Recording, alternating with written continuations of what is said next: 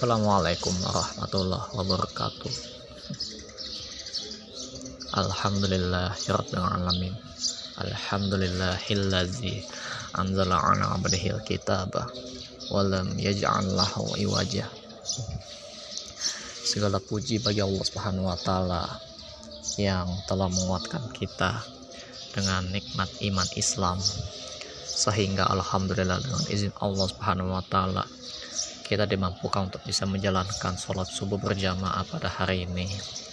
Baik yang di Masjid Al Ikhlas maupun berada di masjid-masjid lain. Alhamdulillah Allah pertemukan kita kembali dalam taklim subuh rutin. Baik yang mendengarkan langsung di tempat ini di Masjid Al Ikhlas maupun yang melalui podcast live podcast hari ini Insya Allah semoga kita semua senantiasa istiqomah mengerjakan perintah Allah dan menjauhi larangannya dan semoga orang yang belum diberikan hidayah belum bertaubat baik dari kalangan keluarga kita saudara kita sahabat-sahabat kita tetangga-tetangga kita atau mungkin orang-orang yang belum kita kenal Allah berikan hidayah kembali ke jalan yang diridhoi oleh Allah Subhanahu wa taala. Amin ya rabbal alamin. Dan jangan lupa mari kita ucapkan salawat dan salam kepada junjungan Nabi besar kita yakni Nabi Muhammad Sallallahu Alaihi Wasallam beserta para keluarganya, para sahabatnya, dan orang-orang yang senantiasa berjalan istiqomah di bawah naungan sunnah Nabi Muhammad Sallallahu Alaihi Wasallam hingga akhir hayatnya. Allahumma sholli ala Sayyidina Muhammad wa ala ali Sayyidina Muhammad. Hadirnya Allah melihatkan kita masih bersama Al-Imam An-Nawawi rahimahumullah dalam kitab Riyadus Solihin semoga Allah merahmati beliau keluarganya orang tua beliau guru-guru beliau murid-murid beliau orang yang beliau cintai dan juga seluruh kaum muslimin di mana pun berada hari ini kita sudah membahas bab yakin dan tawakal. Alhamdulillah sudah tuntas ya. Dan sekedar untuk mengulang-ulang kembali kesimpulan-kesimpulan tiap bab sebelum kita masuk bab yang baru ini di hari ini. Yang pertama adalah tentang bab ikhlas dan menghadirkan niat. Gitu ya.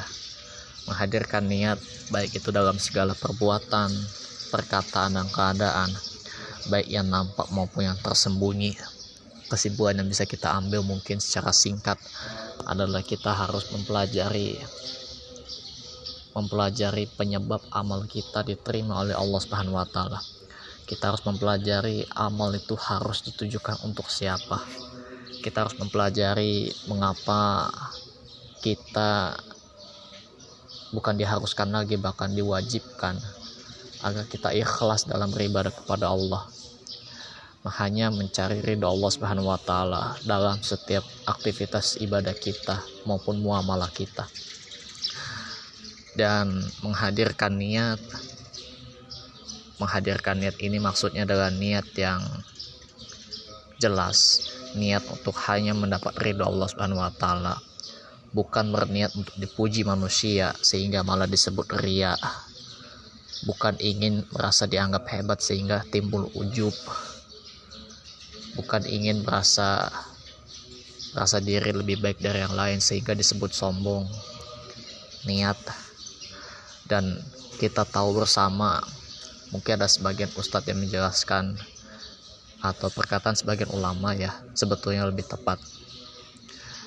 Di antara manusia ada yang melakukan amalan dunia namun bisa jadi di mata Allah Subhanahu wa taala amal tersebut bernilai akhirat karena niatnya. Karena misalnya dia bekerja, berdagang. Kan itu sebetulnya bukan ibadah yang disebutkan sebagian orang ya. Ibadah goyro makbo. Nah, asalnya memang muamalah. Maka kalau mau disebut ibadah itu tergantung niatnya kalau memang kerja dan dagang diniatkan untuk ibadah. Maka mana mungkin sebagian dari kita atau kebanyakan dari kita membiarkan diri kita untuk masbuk jalani sholatnya gitu. Masbuk maksudnya ketinggalan gitu. Nggak berjamaah sholatnya. Dia nggak dia malah mementingkan pelanggan daripada sholat sholat mah nanti dulu lah layanin dulu nih masih banyak orangnya gitu. Sayang takut gak ada lagi kesempatan lagi gitu dapat duit banyak. Gitu misalnya ya. Maka itu sebetulnya niat berdagangnya bukan buat ibadah. Gitu. Dan sejujurnya berdagang itu bukan ibadah makbo bukan ibadah yang didasarkan dengan ketentuan yang sudah Allah atur ya seperti halnya sholat. Oh sholat itu kan ibadah makbo ibadah yang sudah ada tuntunannya. Ada syarat-syaratnya.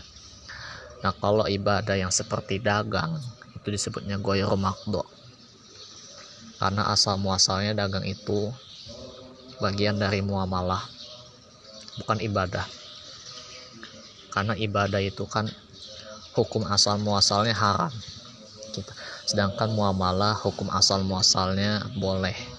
Dagang. Dagang apa saja boleh. Nah tapi ada syaratnya. Syarat harus dagang yang halal dan semacamnya. Nah kalau dia mau meniatkan dagang itu jadi ibadah maka perhatikan niatnya.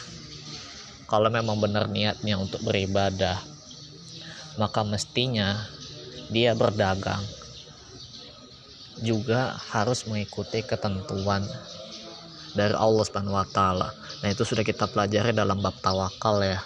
Kita berusaha berusaha. Namun ada porsinya. Tidak serampangan. Bukan semau kita. Katanya ibadah tapi kok mau semau kita ya?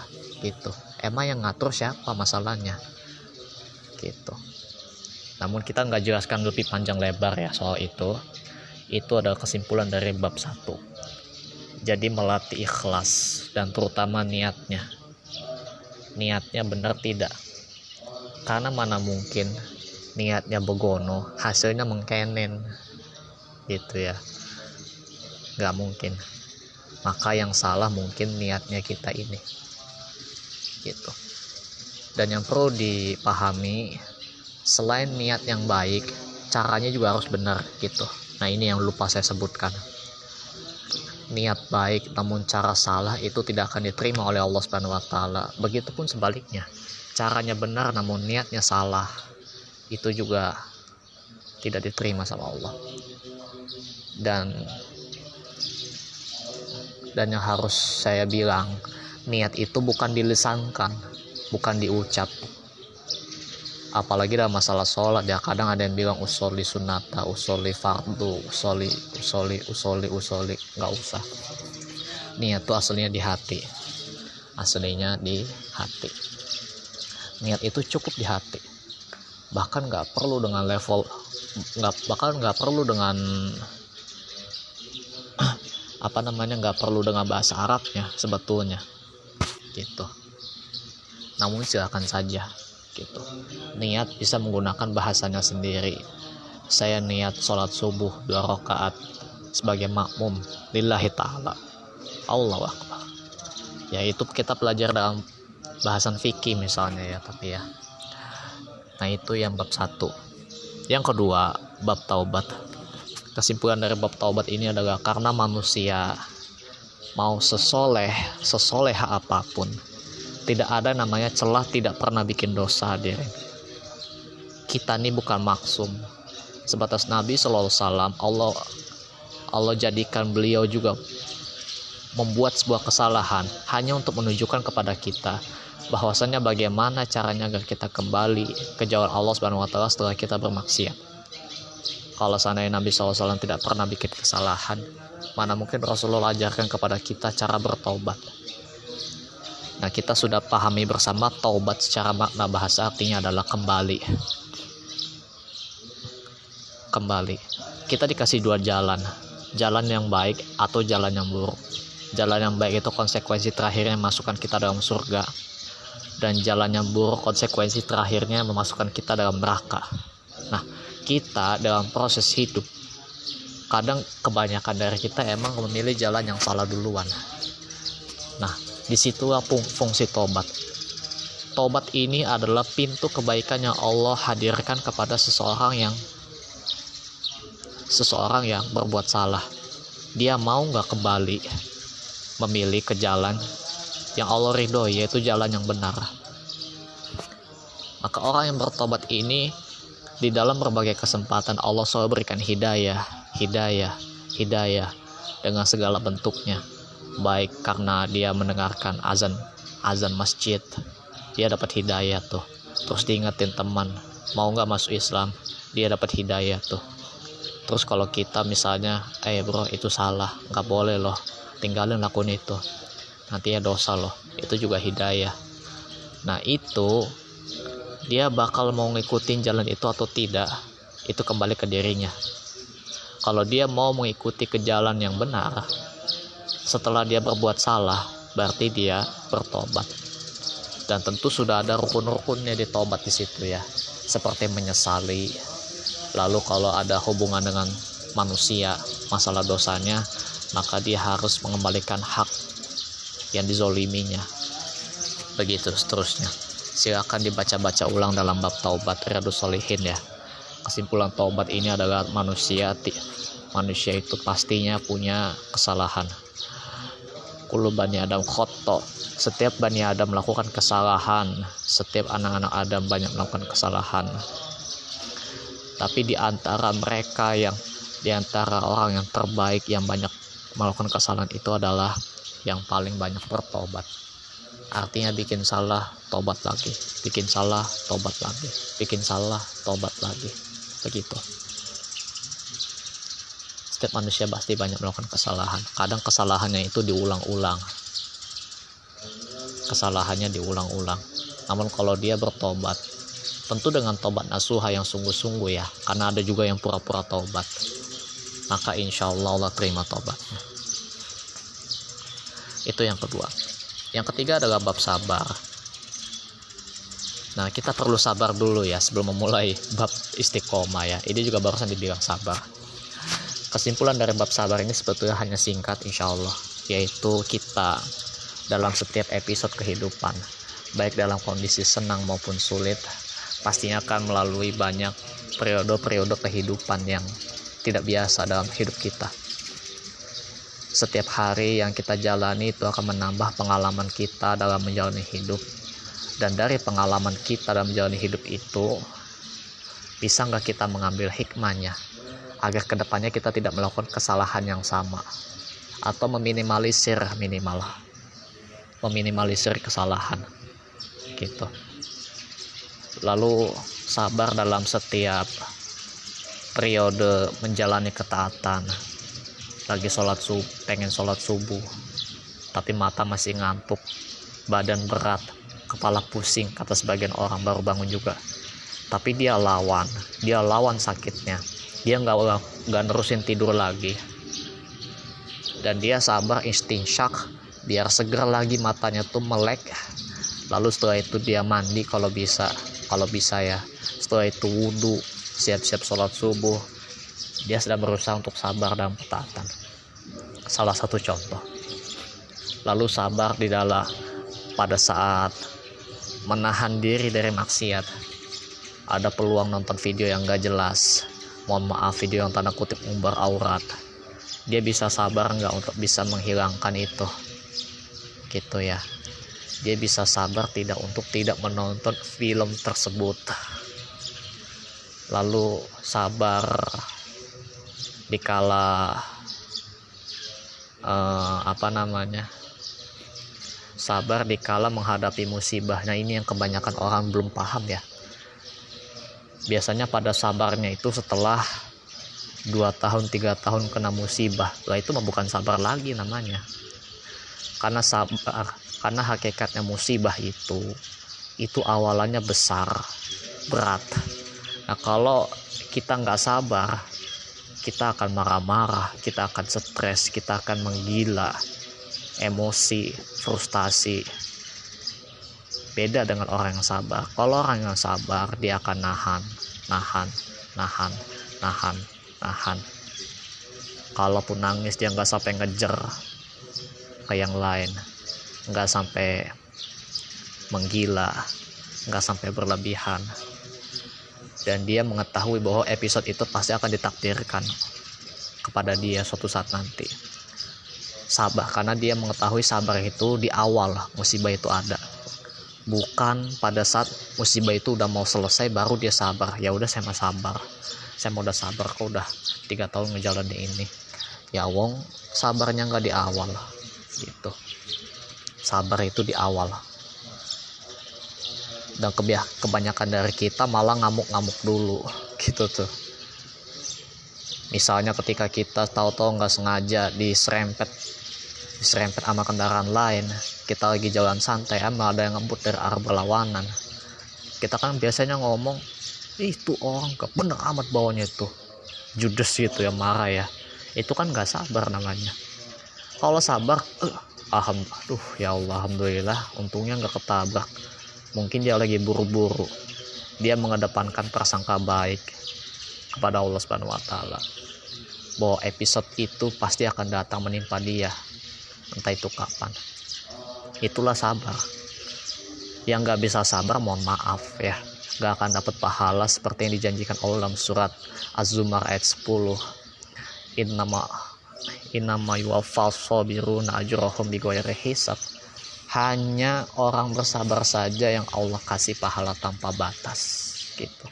Tapi kalau kita nggak sabar di awal kita nggak bisa disebut sabar gitu makanya pahala sabar ini nggak main-main surga. Dan pahala itu dan sabar itu tidak ada batasan. Yang ada mau sabar atau tidak itu aja. Itu tentang sabar. Yang keempat bab sidik jujur dan benar. Nah ini kita sudah ini kesimpulannya ya jelas saja singkat. Yaitu kita belajar untuk bersikap jujur dan benar da, baik dalam membenarkan perintah Allah sehingga itu mau diikuti sama kita. Bukan hanya diikuti dengan lisan namun dengan praktek. Dia buktikan bahwa memang Allah harus diperi Allah harus memerintahkan kita. Bukan Allah harus ya mohon maaf. Maksudnya kita diperintahkan oleh Allah untuk harus menjalankan ibadah. Dan kita juga harus jujur dalam hati kita bahwasannya kita ingin istiqomah di jalan Allah Subhanahu wa taala. Kita ingin masuk surga Allah Subhanahu wa taala dan seterusnya. Yang kelima, bab muraqabah atau bab serat selalu diawasi oleh Allah Subhanahu wa taala. Dan ini tentang perasaan dan ini induknya amalan hati gitu ya jadi kesimpulan dari bab muraqabah ini adalah dalam kita beribadah kepada Allah kita menyadari bahwa siapa yang menilai amalan kita itu sejatinya Allah Subhanahu wa taala bukan makhluk. Maka ketika kita stres karena penilaian makhluk maka sejatinya dia tidak merasa sedang diawasi oleh Allah Subhanahu wa taala. Karena begini hadirin yang memberikan pahala dan dosa itu Allah Subhanahu wa taala. Kenapa kita memikirkan penilaian makhluk? Sedangkan di saat bersamaan Allah lah yang memberikan kepada kita penilaian yang sebenarnya sesuai dengan pengetahuan Allah Subhanahu wa taala terhadap diri kita. Dan kita ini kadang lebih enak berbuat dosa. Kadang kebablasan, kadang nyantai gitu bikin dosanya karena kita nggak memahami atau mungkin kita lupa bahwasannya walaupun ada nggak ada orang lain di situ ada Allah yang melihat dia kita sendirian nonton video nggak jelas. Allah melihat kita. Kita sembunyi di tempat kegelapan. Allah melihat kita. Gitu. Atau bahkan kita bisik-bisik ngomong sama tetangga ngomongin orang lain dari jauh. Allah juga mendengar melihat. Kita berasa diawasi nggak sama Allah. Makanya orang bisa berbuat syirik syirik asgor orang bisa berbuat zina di di waktu sendiri. Misalnya orang bisa uh, menggibah ngomongin orang dari belakang kok kata bahasa kita. Itu kan pada dasarnya karena tidak merasa diawasi oleh Allah Subhanahu wa taala dalam hatinya.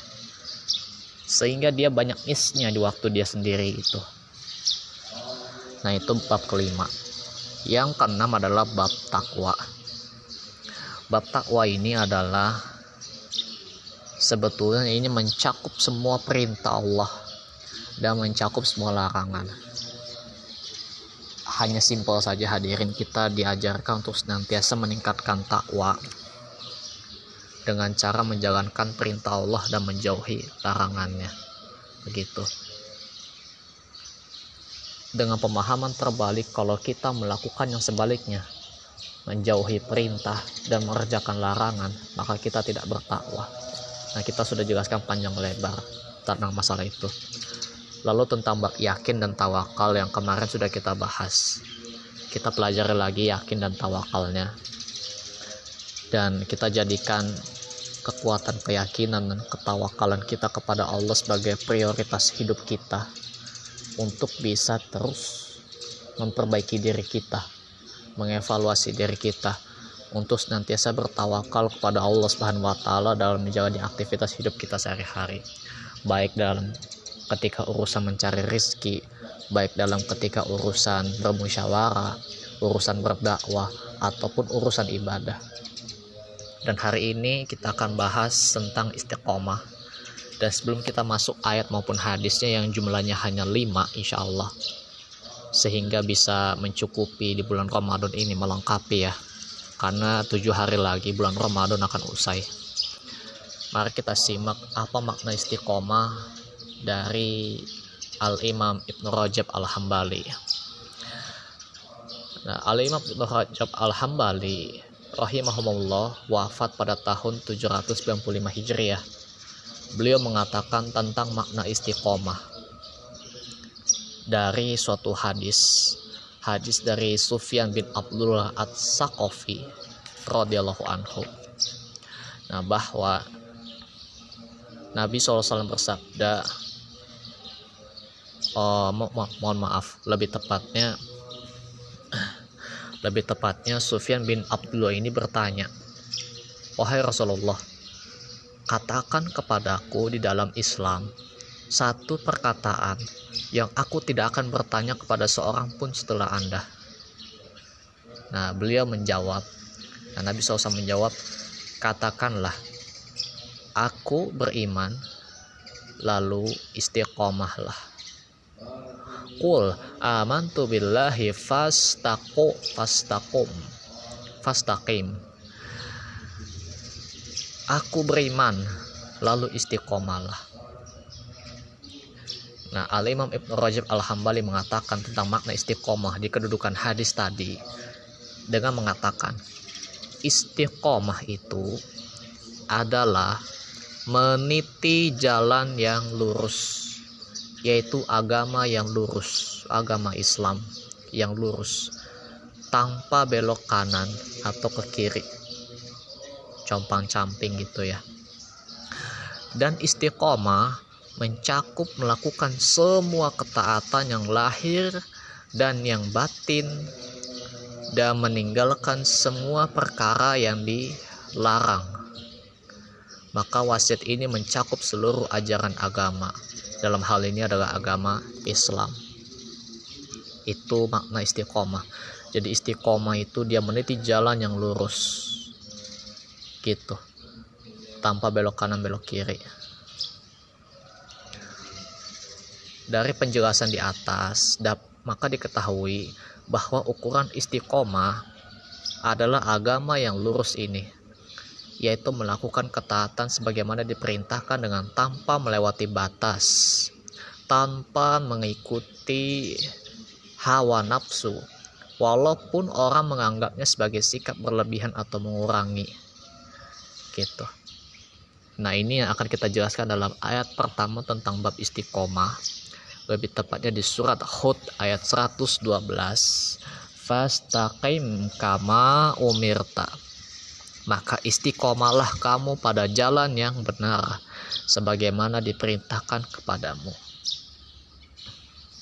Gitu. Lalu sebetulnya ada ayat lanjutannya ya. Ayat lanjutannya adalah waman taba ma'aka wala tatfau innahu bima taf ta'maluna basir.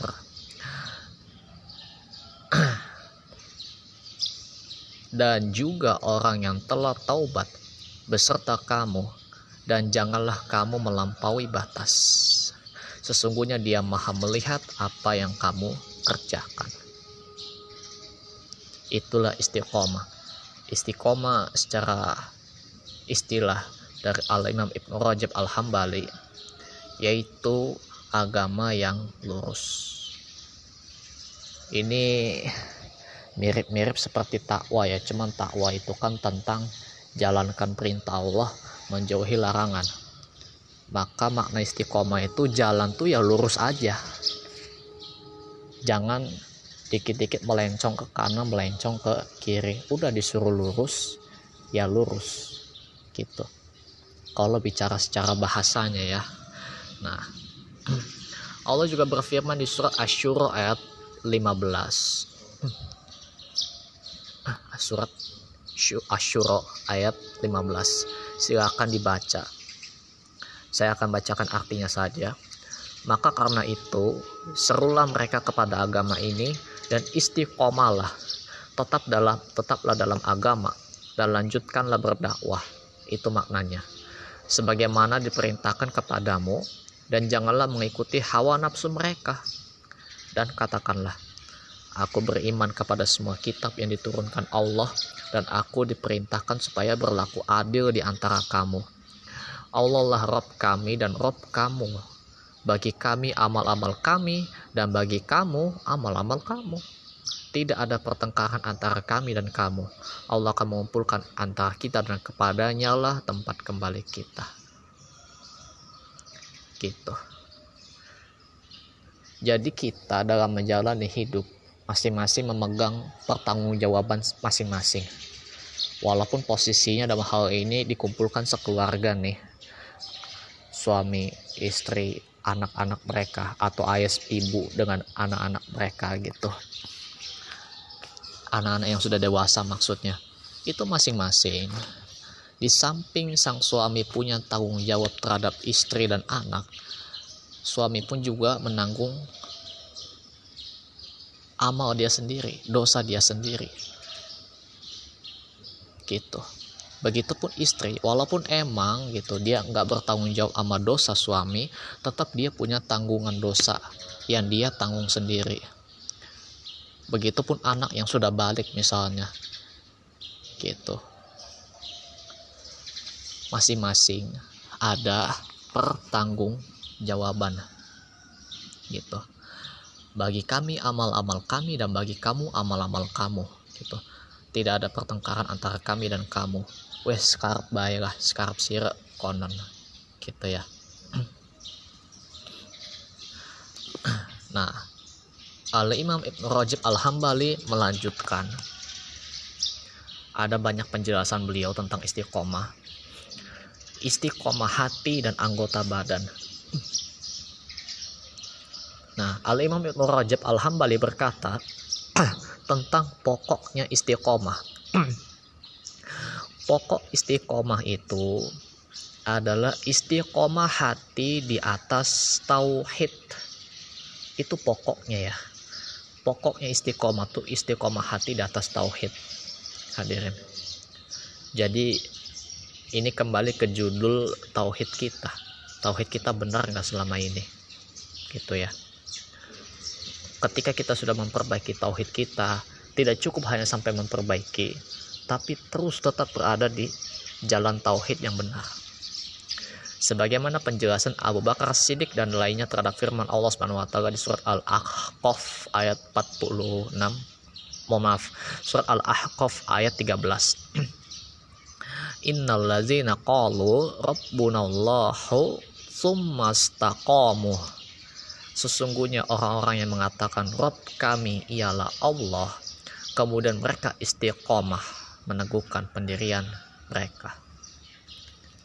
Nah, yaitu bahwa mereka tidak berpaling kepada selain Allah Subhanahu wa taala. Gitu. jadi kuncinya lagi-lagi tauhid hadir dan memang tauhid ini adalah akarnya semua permasalahan Islam. Seseorang sholat namun sholatnya nggak benar nggak tumak nina walaupun dia sholat sunnah misalnya apalagi mohon maaf sholatnya terawih misalnya tapi sholatnya cepet buru-buru nggak tumak nina nggak diperhatikan makhraj hurufnya nggak diperhatiin kecepatan bacaannya apakah dia berlebihan atau tidak itu mohon maaf tauhidnya lemah karena dia hanya karena dia tidak berakhlak kepada Allah yang harusnya diagungkan dengan pengagungan yang semestinya. Wong kepada makhluk aja bisa baik-baik, bisa santut, bisa nggak usah buru-buru, santai, kalem. Masa ke Allah buru-buru? Gitu ya logika kan secara logika saja sudah jelas hadirin kenapa kita kepada makhluk beradabnya luar biasa berakhlaknya luar biasa. Kadang mati-matian demi untuk menjaga nama baik mereka harus meninggalkan perintah Allah begitu saja hanya untuk urusan mereka. Gitu. Tapi untuk kepada Allah kosa ala kadarnya. Seolah-olah kita bukan diciptakan sama Allah Subhanahu wa taala. Gitu ya. Makanya istiqomah ini bukan kalimat ya saya tetap ada di sini. Gitu. Tapi arahnya dulu di mana? Kalau arahnya salah, istiqomahnya salah. Karena makna istiqomah itu agama yang lurus, bukan agama compang-camping. Bukan agama yang dipelajari oleh orang-orang bid'ah.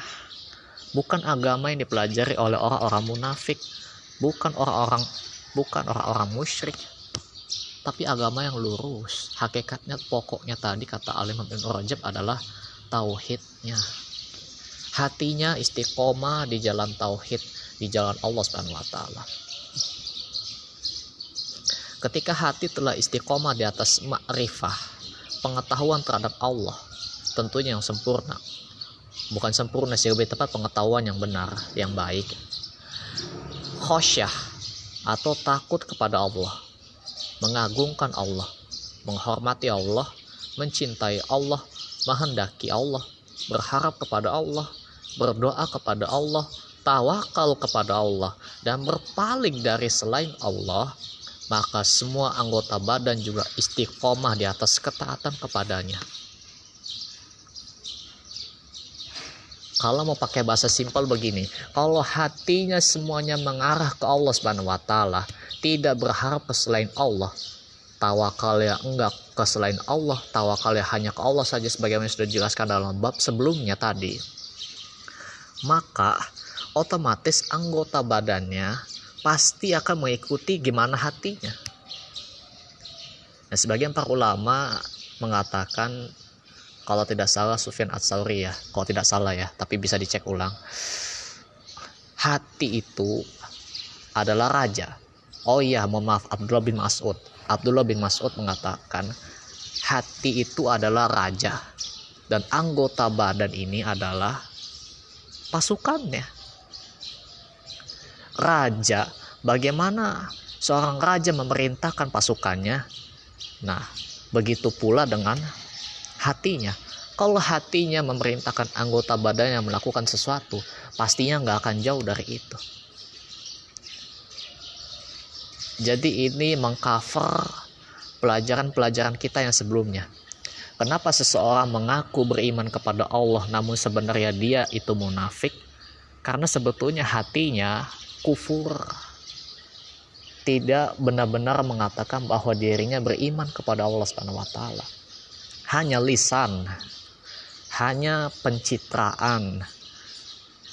Nah, istiqomah tuh pokoknya di situ hadirin.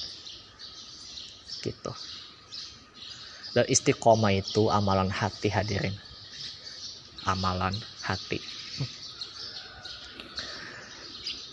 Dan ini dijelaskan tadi karena hati merupakan raja semua anggota badan dan semua anggota badan merupakan tentara hati.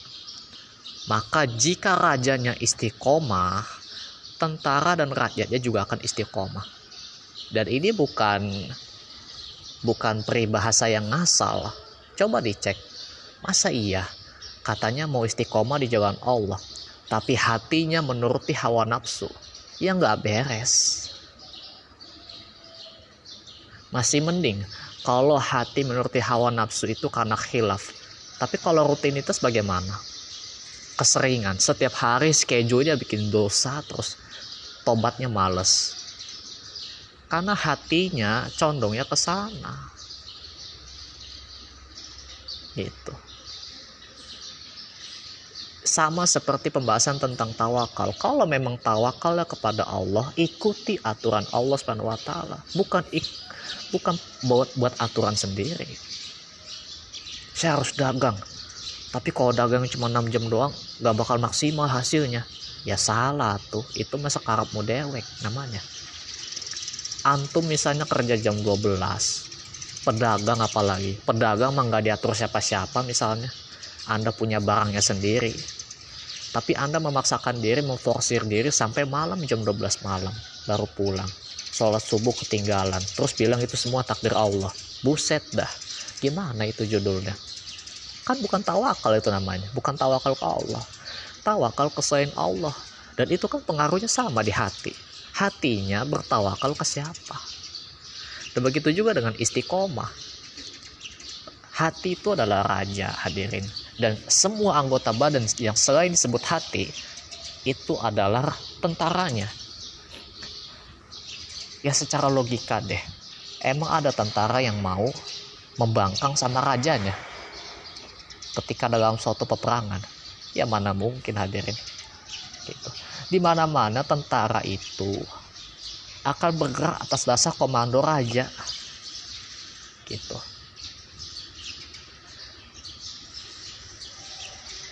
Simple hadirin. Sangat simple. Makanya orang munafik, orang musyrik, mohon maaf, miss di bagian ini. Tawakal dan istiqomahnya.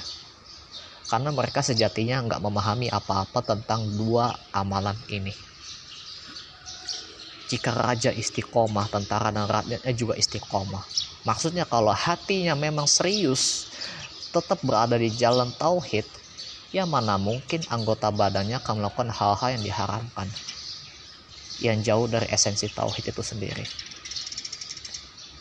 Mana mungkin seseorang yang hatinya pengen sholat, kalau jujur ya memang hatinya ingin benar-benar sholat, kenapa dia malah memilih untuk mager badannya? Kenapa badannya memilih untuk mager, tiduran aja? Gitu. Ada waktu sholat dia bangun, hatinya yang memerintah, badan bangun. Simple ya. Nah itu tuh.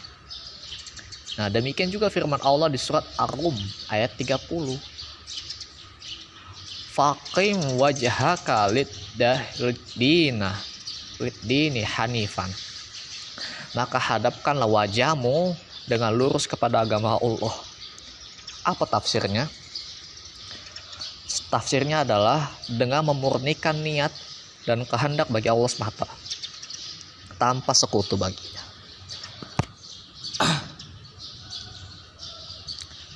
Setelah hati, maka perkara terbesar yang juga dijaga istiqomahnya adalah lisan.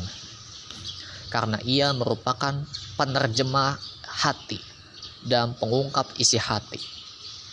Oleh karena itulah Nabi SAW memerintahkan kita istiqomah. Beliau mewasiatkan untuk menjaga lisan. Di dalam musnad Imam Ahmad dari Anas bin Malik, dari Nabi SAW beliau bersabda, la yastaqimu imanu abdin. Hatta yastaqima qalbuhu.